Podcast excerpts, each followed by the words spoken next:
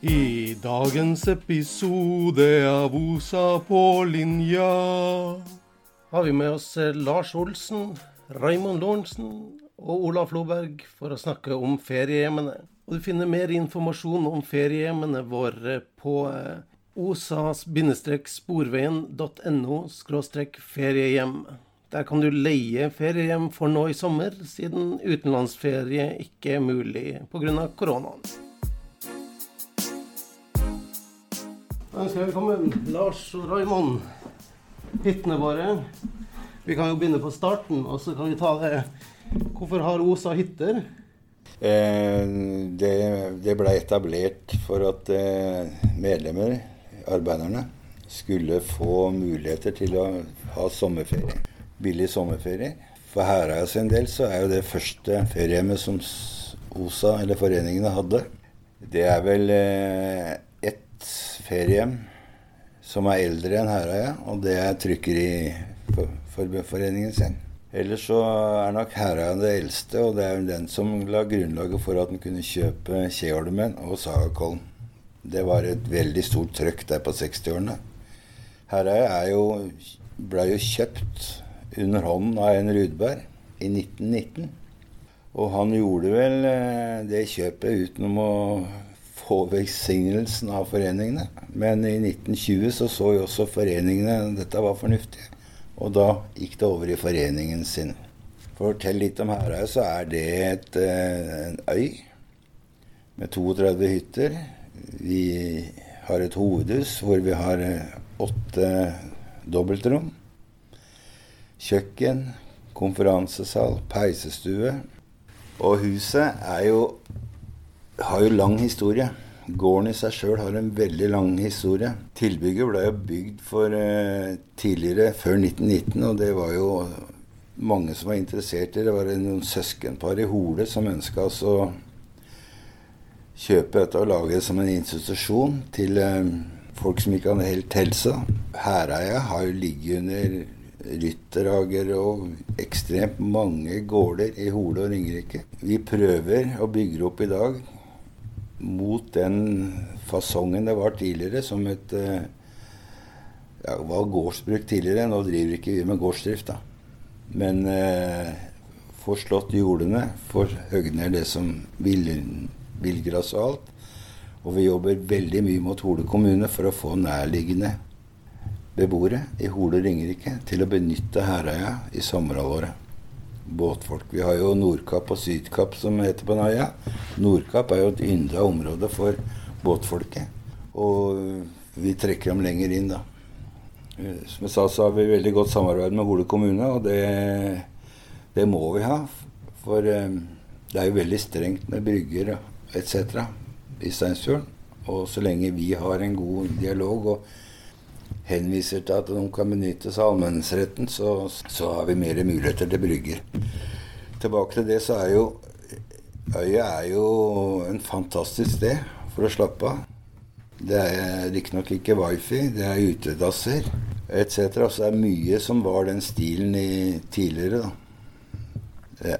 Vi har jo en paviljong som ble bygd på 60-åra for at arbeiderungdommen skulle ha dansemuligheter. Vi har jo svære sletter. To svære fotballbaner de kan lage, men det er jo mål og sånn da. Vi driver i dag og lager eh, Skal lage en gapahuk nede med ene badeplassen. En ny badeplass som vi lager. For å få en grillplass der. Og det er jo materialet vi har fått ifra Hole. Fra ja, bekjente, da. Det er honved. Eh, Øya blir altfor lite brukt av medlemmene. Og det nå pusses hytte for hytte opp, og det er jo et fantastisk sted. Du kan slippe ut unga, holdt jeg på å si, og ha det fantastisk. Vi har masse bryllup som vi skulle hatt i år, men pga. korona så er det utsatt til neste år. Sporveien har vært der. To avdelinger med verksted. Komponentverksted og trikkeverksted har vært der. Og det som er så fint med å ha sånne samlinger der, det er at eh, hvis du går på et hotell da, og har et seminar, så sitter du på hotellrommet, eller sitter du i, i hotellet, går ut på parkeringsplassen, tar en røyk og går inn igjen. På Herøya så kan du gå ut, sparke fotball, gå tur i skogen. You name it. Det, og det var positivt for de folka som vi hadde der, i hvert fall. Nå er det jo NSB kommer jo nå med en avdeling, da, i 26. mai. Og eh, vi veit jo Vi jobber veldig mye med firmaer for å komme inn og bruke eh, hovedhuset. Og da leier de som regel en del hytter òg. For å få inntektene inn. Det er ikke til å legge skjul på at eh, hvis ikke vi får inn sånne store arrangement, så vil ikke øya overleve. Hvordan er det med for å komme seg til og fra øya? Det er veldig enkelt. Eh, vi har i utgangspunktet to båter liggende på Lore-sida og to på Herøy-sida som kjører fram og tilbake. Men når det er større arrangement, så frakter jeg folk til og fra. Det har en sånn jeg kaller det ferje. som vi henter. Og så har vi i forbindelse med arbeidssenteret i Hole, hvor om eh, arbeidstreningssenter heter det, hvor eh, vi bestiller mat ifra. Så har vi jo kjøpmennene på Hole som er glad i oss når vi bestiller. Men det er jo må ha buss, eventuelt bil til eh, Lore. Og så blir det plukka opp der. Langt å kjøre fra Oslo? 55 minutter, tenker jeg. 50-55 minutter. Raymond, hva du syns om Herøya? Jeg har bare vært der én gang da jeg var ungdommen i OSA, liksom. Da var jeg der med Fagforbundet sentralt i Oslo, regionen som det heter nå. Og jeg så det stedet, så var det jo kjempe, kjempeflott. Stort. Fantastisk, fantastisk sted. Men altfor lite brukt. Selv så har jeg båt og har bodd i Son og Moss. Jeg har liksom alltid vært stedsnært og vært i de områdene. Men, det er, det er, men jeg som leder av feriehjemsstyret, etter at jeg ble utpekt av hovedstyret til å være det, så har jeg sittet i hovedstyret i OSA i sju-åtte år nå. Og da er det et medlemsvedtak på at vi skulle beholde disse tre feriehjemmene våre. Og det er jo sånn at eh, Etter at Lars har kommet inn, så har han fått gjort utrolig mye med små små, små ressurser ut av slik og ingenting. Så får han til veld, veldig mye på det stedet der. sånn. Og nå er det jo sånn at vi hadde vel et medlems, såkalt medlemsmøte med vedtak på at det liksom bevilga 1,2 millioner til, til, vann og, vann og kloakk over til øya. Så vi har jo liksom visjoner og, og drømmer om at her skal, det, her skal vi få vann og kloakk med med dusjfasiliteter, eh, vaskemaskiner og sånt som eh, folk vil ha i dag. Altså, særlig damene. da. Skal de komme ut hit, så skal de ha vannklosett, og de skal ha, ha ordna forhold. Så det er, det er veldig, veldig, veldig, bra. Men selv om ikke jeg bruker noen av de tre feriehjemstyrene, så er jeg som leder av feriehjemstyret er det sånn at eh, vi har orden på økonomien. For det er snakk om store verdier for, for medlemmene. Så, det er veldig viktig at vi, vi har kontrollen på det. Og dessverre nå så er denne korona, koronaen kommet nå, da. Hva skal jeg si for noe? Så vi, vi sliter jo litt med, med, med, inntektene. Det er vel det å si, å si, om det. Du kan si at det vi merker jo veldig nå, eh, ikke i stor grad, men det er en start, det er at det er flere og flere som kommer som har vært der tidligere som barn. Som ønsker å komme tilbake.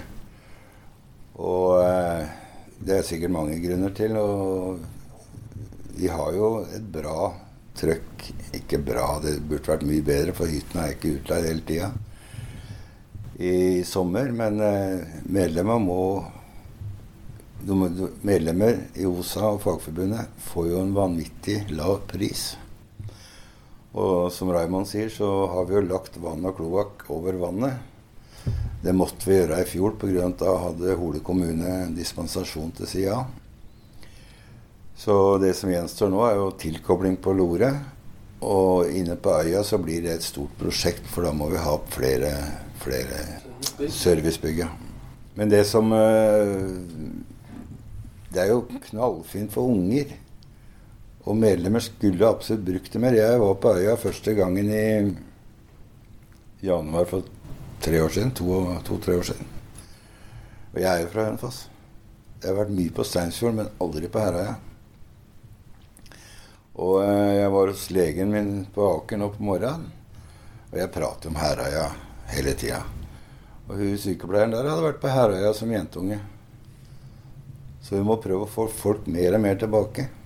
Og ikke minst medlemmene må komme tilbake. Vi har jo sommerfester. Nå skal vi ha jubileumsfest i august som folk må komme til. Vi syns jo den koronaen begrenser jo en del, da. Men da har vi satt opp Dronning Tyra som går fra Sundvolden med folk. Og vi kjører busser fra Oslo til Sundvolden som vi gjorde på i tidlig i åra, 60-åra. Og det er for OSA-medlemmer? Det er for OSA-medlemmer, ja. Og, men Herøya er litt for lite promentert i OSA. Altså ikke av ledere og sånt, men eh, medlemmer. For det er jo Kjeholmen de har forelska seg, og Sakon Sakon går jo veldig bra. Og det er pga. at der er ikke øy. Det er kjører helt ut. Kjeholmen er jo nærheten. Det ligger i Oslofjorden. Det er jo helt annet. Vi ligger i Steinsfjorden. Det siste sted som isen går. Men uh, det er fantastisk, det. Nå kan fisk, I sommer så skal jeg arrangere båttur i Tyrifjorden. Bort til ei populær eh, badestrand som heter Røsholmstranda på Hønefoss. Og så blir det muligens en tur oppover Storelva. Du kan kjøre helt til Hønefoss med denne båten her. Det er sånne aktiviteter, og så gjerne fisketur med unger og litt sånt noe. Men eh, jeg må ha OSA-medlemmer til å komme for å bli med og få litt gjevt rundt dette. Er det helårshytter, eller? Altså Hyttene er nok helårs. Noen av dem kan være helårshytter. Men det som er eh, Sånn som i vinter, da. Vi hadde jo et arrangement der i mars, var det februar-mars Det er en gruppe som kaller seg Frostlys. Det er eh, en organisasjon som er bygd seg opp i Norge her. Da var det ja, det var vel isfritt uka før de kom. Og så lå det, is den uka. og Den var ikke gangbar. Og uka etter eh, så var det isfritt igjen. Så når isen er bra og isen er trygg, da er det helt greit å leie der. For vi eh, I fjor så gikk vi jo mye over isen. Men i år så har ikke jeg gått på isen i det hele tatt. Men det er jo Når du får en fin vinter med skikkelig is, så er det påskestemning på Steinsfjorden. Det er jo fantastiske dager du kan ha. Altså. Og da kan du leie hytte med vedfyring, for ved er jo tilgjengelig. Og når du ser kostnadene rundt ei sånn hytte, så er ikke det mye, altså. Og du kan eventuelt, hvis de ønsker det, leie seg inn på rommet i pensjonatet. Ja, Dobbeltrom. Der er det dusj og vannklosett og kjøkken, og der kan du ordne deg sjøl. For når du leier rom, så er jo også kjøkkenet disponibelt. da. Man må ha med egen mat og sånn ut på øya? Ja, det må det. Vi, vi har en liten kiosk der, da, men den er bare om sommeren. Det er bare det nødvendigste. Altså ikke mat, eller det er sjokolade, brus og is og Så da planlegger man transport med dere inn til altså butikken, da? eller?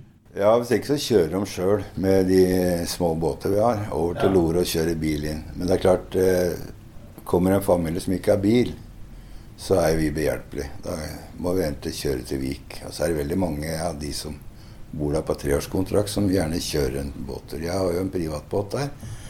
Som jeg også Et par av de på øya bruker, da. Den er ikke til, ikke til utlån til alle som er med, til de som jeg kan stole på. Så, og den bruker kan han bruke til Vik og Sundvolden. Er en som skal låne nå i sommer. Han skal en tur ut i Utøya sammen med familien og kikke. For det er ganske mye å se. Det er fantastisk. Og når du kjører fra Sundvolden og mot eh, Onsakevika, Røstrandstranda, det er jo fantastisk eh, flott å se bygninger og alt. Det er nok mange som ikke skjønner hvor fint det er på Steinsfjorden og Tyrifjorden. Er det mye, mange som leier som treårskontrakter og sånn? Ja, det er åtte stykker som har treårskontrakter. Men eh, det er klart at eh, de treårskontraktene de går ut om tre år, da. Så er det en vurdering om det skal fortsette. Det er klart det er mer bruk disse, denne øya blir brukt av medlemmene. Til mindre behov har vi for langtidsleie. For det er jo medlemmer tross alt som eier øya. Og det er ikke Jeg forvalter den øya bare. Jeg eier den ikke. Og jeg forholder meg til medlemmene. De som er medlemmer av OSA. Det er de i mitt hus som har førsteretten. Altså, jeg skal jo ha eh, åtte kompiser på Kjeholmen i, nå i sommer i en hel uke. Og det hadde jeg for to år siden òg. Er det mye sånt nå ute på Herøya? Ja, det, vi har jo hatt en del sånne lag. Og nå kommer det ei som skal ha en fest da i august, er det vel. Så det er oftere kommer folk som skal ha noe sånn lag. Men eh, vet du, Kjeholmen, det er jo Størrelsen på Kjeholmen er jo lik den vi har foran hovedhuset. Så Håvard Nola hører dette. Det er stort der, og det er klart at du krever veldig mye. Du er jo, sånn som jeg sier, så er jeg vaktmester, gårdbruker. Du må slå gress. Du må oppusse opp hytter, du må vaske hytter. Men dette er, eh, gjør vi for at medlemmene skal komme tilbake. Har vi traktor og sånn utpå der, eller? Ja, vi har eh, to traktorer. Hadde to fram til lørdag. Da røyk den ene, og da Det må jeg ha. Så jeg driver og vurderer nå, da. Men vi har traktorer slår med krattknuser, vi har beite, eller beitepusser da, som vi har. Og vi har slått ned alle jordene. Vi drar jo opp trær med rota, sånne lauvtrær, for å få sletta ut mer og mer. Det er jo fantastisk teltmuligheter der. òg. så jeg har nok heller vurdert å ta den samlinga på, på Herøya. Få gjøre det til neste år, da. Ja, for det er jo klart at det, det kommer jo folk inn. Jeg møtte jo folk sist, ikke forrige helg, men helga før, som var inne og kikka, som var fra Hole. Og de, uh, du, de hadde planer om kanskje skulle leie ei hytte der, og de er jo rett, fra rett over fjorden. Da. Nei, så vi har uh, masse nysgjerrige folk, og vi drar dem inn. Så jeg, som sagt at det, dette er jo OSA sine medlemmer, skjønner jeg. Det er de vi må prioritere. Men så lenge ikke de bruker øya, så må vi få inn penger. Og da må vi gå ut. Så um, vi var jo på Holemarkedet i fjor. Da satt vi og promenterte øya. Der kom jo folk som neste blir, blir ikke i år, da blir neste år. Folk som skal gifte seg, som skal ha seremonien på øya. Så den blir mer og mer populær. Så har vi hatt veldig god PR i Ringbladet, Ringerikes Blad. Så har vi noen malerinner som kommer og skal male litt. Og... Men eh, jeg skal jo ha besøk var med en gang neste uke, men hun blir utsatt av Grefsen verksted, ledere der, for å vurdere litt mer, da. Nei, det er mange som Hadde ikke hatt en koron, skulle vi gått ut litt mer i året, men det tør vi ikke. Vi har jo alle forhåndsregler. Vi tar imot 200 stykker. og Vi har jo tre partytelt som vi setter opp. Og når det kommer istedenfor å ha tre, ett, da, så får de f.eks. tre. da. For da har vi avstander og alt det greiene der. Er det maks 200 på øya til enhver tid? Er det? Nei, det er jo ikke noe makstall på øya. Med koronagreiene så må en jo forholde seg til det. Men ellers så vi har jo sengeplasser til 100 stykker. Du kan jo prate om framfylking av fjor, liksom. Kanskje f.eks. Sånn at du hadde liksom, da, De bodde jo telt, mange av dem. gjorde de ikke? Jo, vi hadde jo framfylkingen i fjor, og det er klart at eh, Men eh, det var jo mer i læreperioden, og det var jo borti 100 stykker.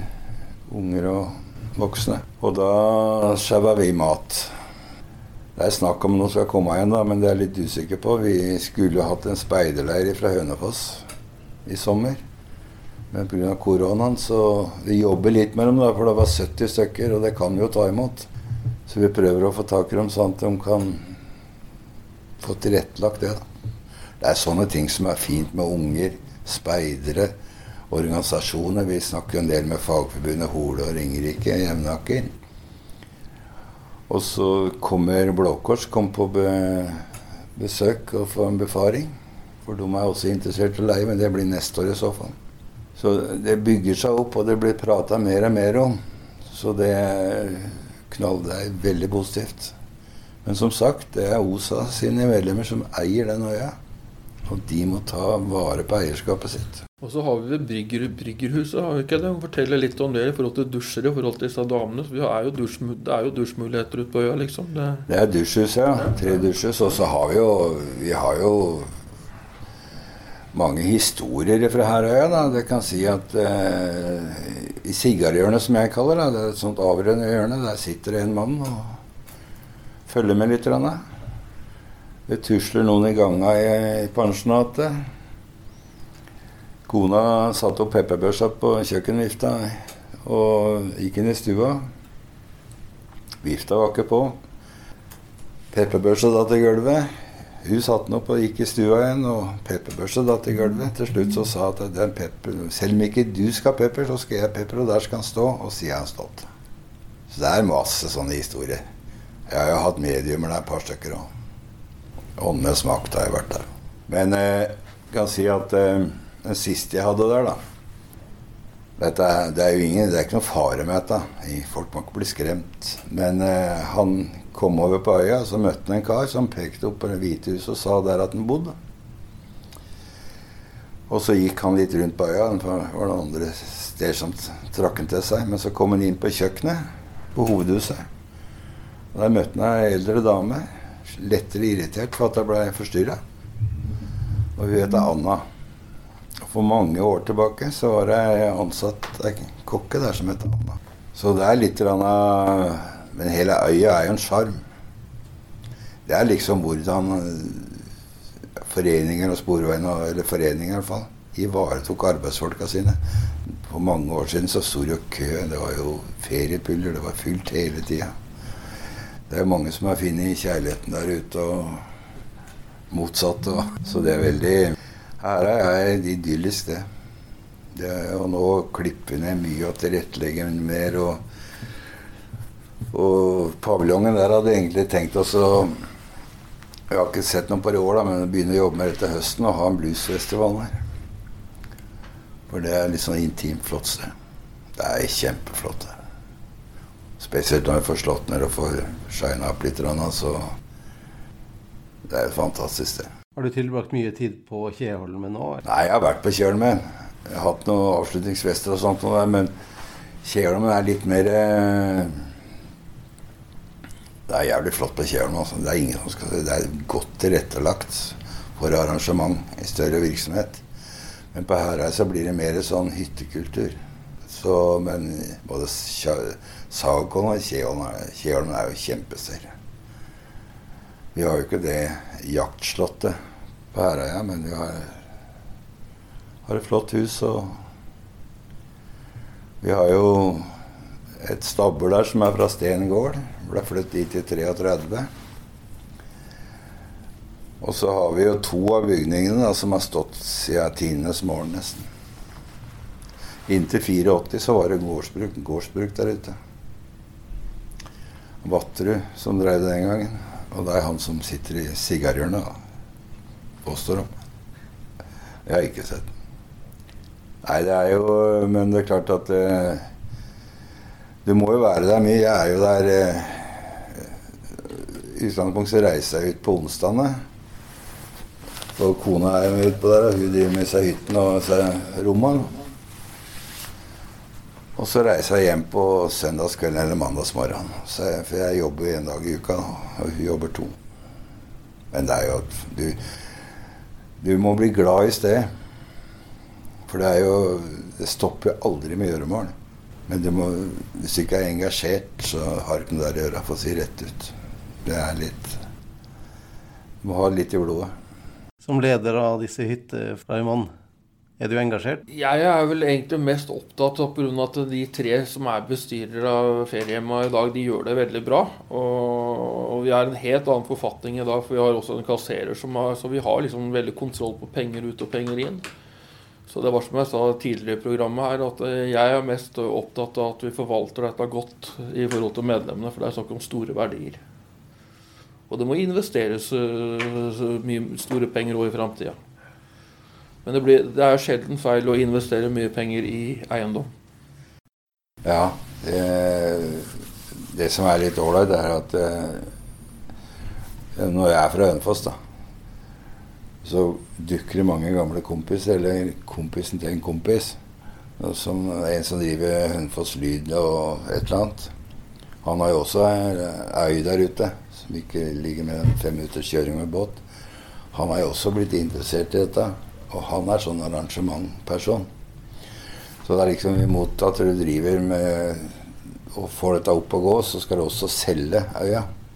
Du skal markedsføre øya til nærområdene og overalt. da. Og det er det som er spennende. Å få, få det til å gå. Det var bluesfestival du snakka om. Er det langt unna det? Håper vi kan ta det til våren. Pga. nå er det koronagreiene. Du må gjerne jobbe med litt. Og så Det er ei gruppe som heter, kaller seg Gruppe 5 på Hønefoss, Foss i Jevnaker, som også har vist litt interesse. For vi har jo ja, Vi kjøpte noe fra et dødsbo, da. Og der var det jo med scene og flyttbar scene og alt mulig. og han vi kjøpte, da, som døde, han var jo en veldig engasjert sånn arrangementperson. Og kona sa jo ikke noe mindre, eller samboeren. Så vi drar i alle retninger for å få. Så bare de kommer inn på øya, så er de helt låst. Altså. Det er bluesfestivalen. Vi har jo mange som har vært der og ser på et arrangement i paviljongen. Og det, det er klart at vi må se litt, men det koster litt penger. Og, for det er litt vanskelig å ta inngangspenger på øy. For du veit liksom ikke hvor folk kommer fra. Kommer båt da? Ja, de gjør det. Så eh, Men det tror jeg er tingen for å få øya mer populære. Eller enda mer populære. Så kommer det folk inn som ligger i telt, og til helga så kommer det en familie som skal, eller to familier som ringte meg og skulle ligge i telt. Så ligger de gjerne under åpen himmel i sånne hengekøyer, og folk liker seg. Og når de føler seg velkommen på øya, da, da har de mye å prate om, og da er det bra. Sagakon og Kjeholmen er jo bare ja, Til sammen så er det vel kanskje en tredjedel av Herøya. 190 mål, er det det der? Ja, så det er voldsomt. Og så er vi utedoer, da. Men altså, det som er at utedoen er ordentlig. Vi har jo malt opp og vasker ned og alt sånt, for det må vi gjøre. Ja, Det er rent og vedlikehold. Ja. Så er det jo av gjestene sjøl. Men vi må jo gå overalt uansett. Nei, så medlemmene må forstå hvilken perle de har i Steinsfjorden. Og det er jo veldig enkelt å komme til og fra Med øya er det mye, så hvis det kommer noen som, et familie som skal være i uke 14 dager, da har de gjerne med seg litt. Og da avtaler de sånn at jeg kjører bagasjen. Og da kan jeg kanskje kjøre dem helt bort til den hytta her. For det er jo et stykke å gå over. Det er langt. Det er, det er langt å gå. Men eh, vi frakter jo utstyr på ATV og alt mulig til dem. Så. Og så har jo hyttene som ligger mot Åsa, det Fredlundveien. Det er jo de eldste hyttene. Det er jo veldig sjarm. Det er jo faen Sitter der og ser utover vannet om morgenen f.eks. Det er jo helt idyllisk. Så folk må komme og se. Bare til kontakt med meg, så skal jeg guide dem. Og for det er som jeg sier, jeg gir meg ikke på det. Altså. Det er jo til, til medlemmene. Jeg er der bare for at de skal føle seg velkomne og tilrettelegge for dem. Det som er litt artig, er at bestefaren min ferierte jo der. Det visste ikke jeg. Så onkelen og tanta mi Onkelen min jobba i Sporveien, så han Men alt dette kom jo fram når jeg og folk visste at jeg var på Herøya. Så velkommen til Herøya. Hvor du jobba i Sporveien du, da? Nå? Når, før du ble pensjonist? Jeg, var, jeg har, I utgangspunktet så har vi jobba overalt. Jeg begynte jo på, på Ryen. Og var i bygningsavdelingen på Etterstad. Og slutta på Grefsen verksted da jeg var der. Så nå sitter jeg vel her. Og så jobber jeg litt på avløs. Ja, Så du har vært rundt overalt, egentlig? Ja. Ikke på Majorstua? Jo da. Der, ja. Der jobba med T-banen der. Det var de røde vognene? Det var de røde, ja. Drev du med teakvogner og sånn òg, eller? Nei, eh, det gjorde jeg ikke. Det, vi hadde jo noen teakvogner da, men det var jo de som var eh, reservert da han Bjørn, eller hva heter han, han eh, ja, med Grefsen verste, eller Majorstad verksted. For det jo, var jo, og det er i dag òg, mye dyktige folk i Sporveiene. Det er ekstremt dyktige folk. Jobba du med T2000 på noe tidspunkt? Ja, litt. Var det sånn som de sier at det var? Jeg tror ikke jeg skal si så mye om det på podkasten, men eh, Nei, det er jo Det var veldig få av dem, og ble kanskje ikke prioritert så mye. Jeg vet ikke. Det er vanskelig å få deler og sånn. Jeg, jeg, jeg, jeg, vil ikke uttale meg særlig om T2000 nå. Mer fornøyd med 1300-vogner da, kanskje? Ja, 1300 og 1000-vogner gikk jo bra. Men jeg um, jobba jo aldri fysisk med vognene. Jeg var jo leder da jeg kom på Sporveien. Så kom jeg fra NSB da, og Flytoget og Hva du syns om oppsplittinga, da? Nei, altså Jeg har vært med på så mye omorganiseringer fra NSB sin tid og framover, og du ser i dag, så eh, Det er jo sånn som det er i fagforeninga, at eh, sammen er du sterkest. Det er jo så enkelt. Og jeg kjenner jo folk eh, som jobber i trafikkservice, som jobber i Mantena, som jobber i NSB Tog. Og baneservice og bane... Gud veit hva de heter i dag. Jeg har ikke noe Du får ikke noe samhold. Det blir mer sånn hakke på hverandre. Hva syns du om Vy-navnet, da? Ja, Det har jeg ikke noe forhold til i det hele tatt. For meg så er NSB, og jeg skal jo komme jo NSB-folk til uka på Herøya. Og eh, de heter NSB, i hvert fall på mailadressen nsb.no. Og det trafikkservice er jo noe som ble, var renholdet som ble privatisert i NSB. Som gikk sammen med ISS som en aksjepost. Og nå er de aleine igjen, og de må konkurrere på lik linje med Gud og hvermann. Når vi begynte å konkurrere Jeg jobba i Lodalen, da, bare for å ta litt om det. Så, så begynte de med den effektiviseringa si. Og når jeg skulle være med på den, da var jeg administrativ leder da, for 160 stykker. Og vi skulle begynne å effektivisere folka som jeg jobba sammen med, nesten som jeg ligger på armen til hverandre på natta for å slappe av på natt. Så da slutta jeg. For det syns jeg var litt for uh, heavy. Folk kan si vi hadde 35 stykker i Lodalen som gikk der på forskjellige gjøremål, men som ikke var sikkerhetsklarerte. Men de hadde, hadde en jobb å gå til. De skulle bort. Og det er klart at det er bare samfunnet som til ansvaret. Sånt har ikke noe ansvar. Du ser i dag det hvor er det med å reise hjem fra smittestyret. Nei, jeg eh, Oppsplitting det kan være greit på mange måter, men ikke i den Du må ikke gjøre det bare for å gjøre det. Bare for at noen ønsker det. Det må være en fornuft. Kan jo avslutte med å prate litt om eh, Sagakollen, Raymond. Det pusses opp, og eh, går det bra på Sagakollen? Det går veldig bra på Sagakollen. Har det vel nesten alltid, alltid gjort. Sånn, eh, på grunn av at Det var jo liksom gamle arbeiderforeninger. Så litt sånn I gamle dager så var det jo sånn at da var det gjerne folk fra, fra Etterstad og, og fra Sagene. Da. Så det er mye håndverkere, verksted nå, som da dro ut i gamle dager og Fikk jo låne et kjøretøy, eller, eller, kanskje det var en snill produksjonsleder som sa kan dere dra ut dit og, og, og, fikse litt. Så bygningsmasser og sånt har det alltid hatt, hatt kontroll på. da, mens, mens, mens, da du kan si at både Kjeholmen og Herøya, der har liksom forfallet kommet veldig langt i, i forhold til å ta vare på de bygningsmassene. Så ut fra det så, man, så, så, så, går det veldig bra der. Og så I og med at det ligger på land nå, så, blir det brukt uh, hele, hele, året. Når det, er, når det, er, en øy, så blir det veldig sånn sesongbetungt at det er ikke så lett å få driftinntekter i vinterhalvåret. Men dette jobber jo dette jobber feriehjemsstyret veldig bra med nå. Så det er veldig synd at den koronaen kom eh, nå, nå i år, liksom, i, i, særlig da i forhold til uh, Kjeholmen og, og Herøya. Sagakollen, den det, det, rusler og går. Der er det fine, fine, fine forhold. Der er det dusj og vaskemaskiner og Så det, det, er, det er, populært. Det er mye verkstedfolk fortsatt? Det er vel en del, fortsatt en del verkstedfolk og IE-folk eh, fortsatt.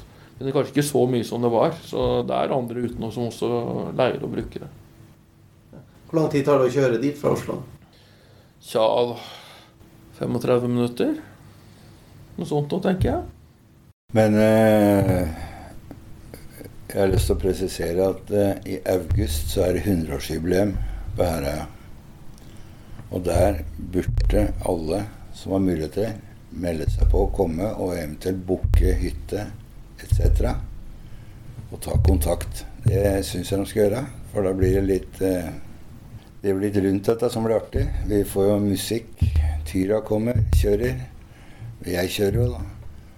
Og eh, Så da kommer alle folk, for da blir det litt historie rundt den øya. Så de er hjertelig velkommen, alle som har muligheter, må komme. Bør komme og se hva de eier. Da takker jeg Raymond og Lars for at dere var med. Nå er Ola Floberg her for å introdusere oss for Kjeholmen historisk og fram til i dag. Hei, hei. Ja, jeg hadde egentlig lyst til å si litt om den generelle historia òg. For det, egentlig er en ganske viktig arbeiderhistorie, hele feriehjemsmaterien, for å si det sånn. For det var ikke gitt at arbeidsfolk hadde ferie før i tida. Og i løpet av slutten av 1800-tallet så ble jo både Betjeningsforening og OSA etablert, og typografen og fyrstikkpikene streika og alt det der eh, som mange kan litt historie om. Men, eh, men eh, det blei nå opparbeida rettigheter sakte, men sikkert, og åttetimersdagen kom jo ikke rekne av seg sjæl, men blei tilkjempa. Og etter hvert også behovet for regulert arbeidstid, og også å få regulert fritid. Derigjennom ferie. I løpet av 1919-1920, det ble jo banka nasjonalt vel i 1920, så, så blei det jo lovfesta to ukers ferie. Men det var ikke, det var ikke, det var jo ikke veldig mye hoteller for arbeidsfolk rundt omkring. Så de, og de, ja, kanskje noen av dem telta rundt i skauen i Nordmarka og gikk noen turer i de to ukene. Men, men en del av disse sterke foreningene på den tida, de hadde da opparbeida seg likviditet nok, og var framsynte nok til å, å gå inn i eiendomsmarkedet. da og få kjøpt seg noen tomter og få bygd noen spikerhytter rundt omkring. Typografene var forresten først.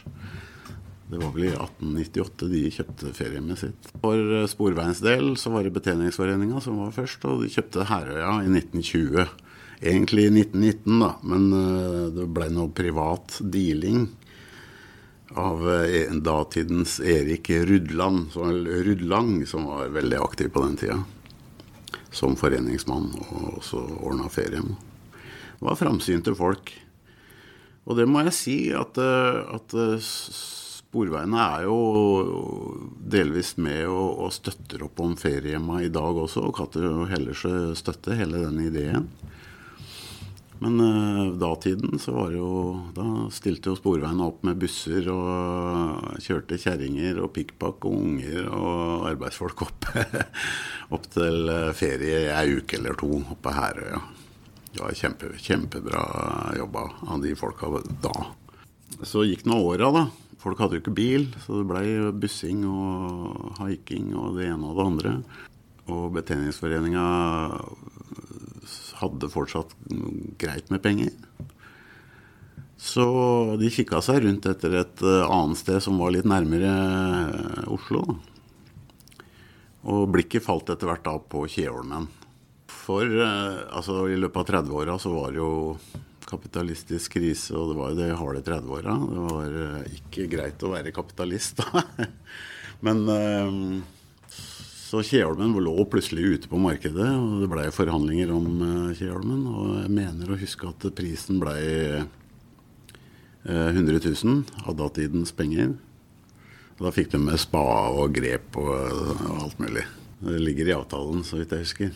Så det Kjeholmen ligger rett utafor uh, Snarøya. Ja, og rett utafor Høvik, kan du si. Uh, Ostøya er den største øya i området der.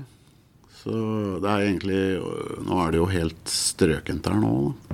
For det har det ikke alltid vært. Kjeholmen uh, blei brukt fra 1700-tallet og oppover.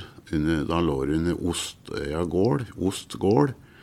Og da slapp de eh, dyr ut på øya til å beite, derav kje, og derav Kjeholmen.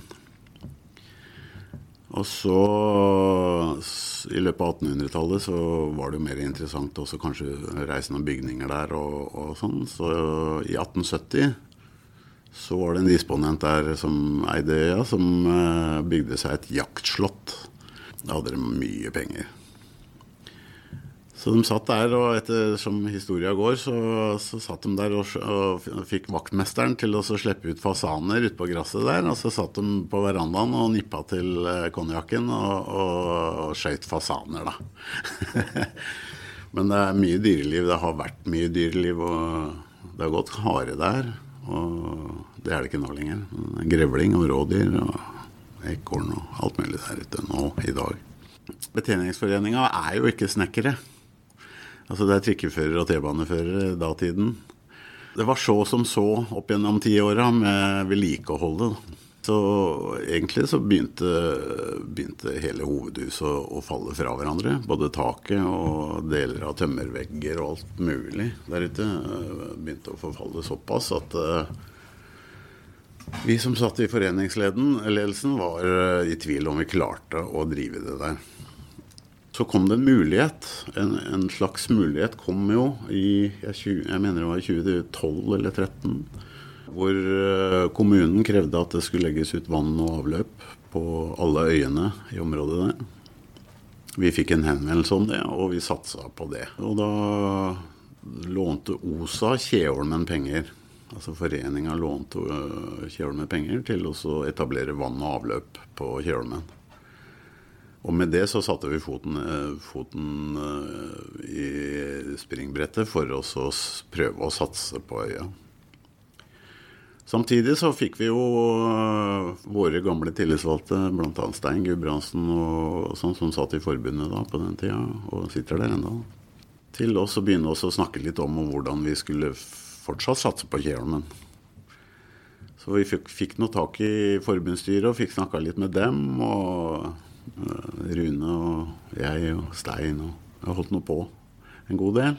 Og historia vår er jo den at eh, forbundsstyret var der ute.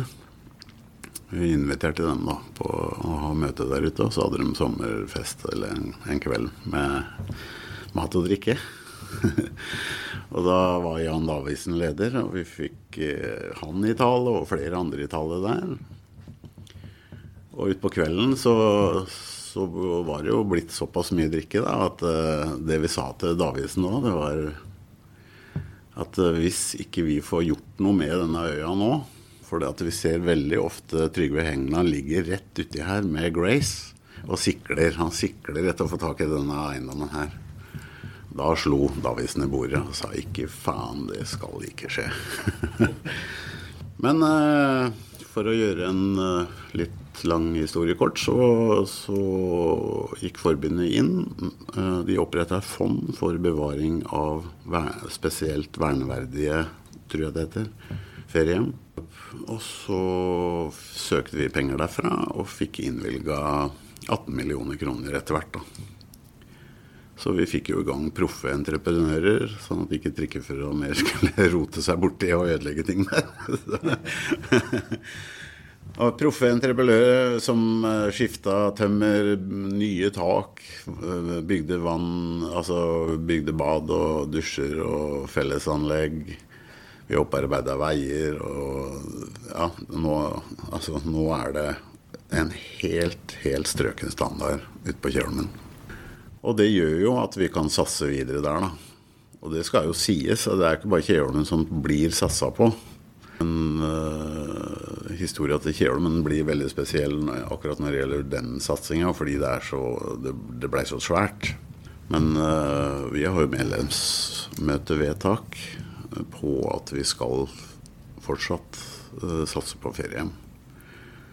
Så da satser vi på Sagakollen, vi satser på Kjølmen og satser på Herøya. Så apropos Herøya, da. Nå vet jeg at dere har snakka litt om Herøya, men det som er litt viktig nå framover, det er jo at uh, Herøya har jubileum, noe Lars uh, har nevnt sikkert. Det ble jo kjøpt i, fullt og helt da, i 1920. Og nå er det 2020. Og vi kommer til å ha en, en happening på Herøya. Så folk får følge med på datoer og hva som skjer der oppe. Men uh, sjølve jubileumsmarkeringa, den sikter vi på blir 22.8 i år. Og så råder jeg folk til å gå inn på hjemmesida vår, på historiesida til OSA. osa-sporveien.no.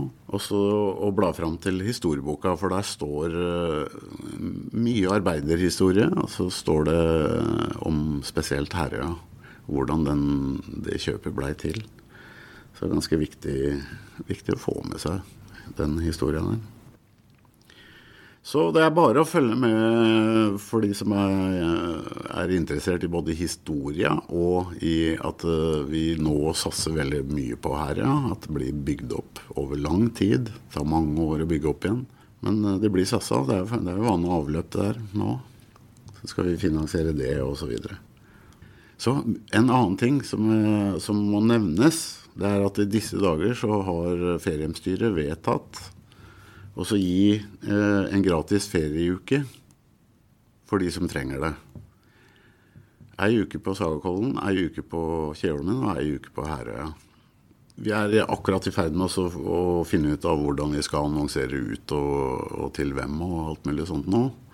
Men eh, jeg, oppfordrer folk til å, følge litt med. Og så tenker tenke, hvis du ikke trenger det sjøl, Kanskje du veit om noen som trenger ei ferieuke, ei gratis ferieuke på et av våre feriehjem. Og følge med på oppslag på Facebook eller i nettsida vår, eller Så skal vi trekke. Og det, ble, det er ålreit. Ja, det er ålreit. Ja, takk, Ola, for at du var med her i dag. Det var bare hyggelig. Da vil jeg takke Raymond Lorentzen, Lars Olsen og Olaf Floberg for at de var med på denne episoden av OSA på linja. For å leie feriehjem så var hjemmesida osa-sporveien.no feriehjem. Husk på at vi også har en Instagram-side. Det er osapaa-linja. Og den fantastiske musikken er lagd av Gabriel Matos. Mitt navn er Einar Fygle og da ses vi på linja.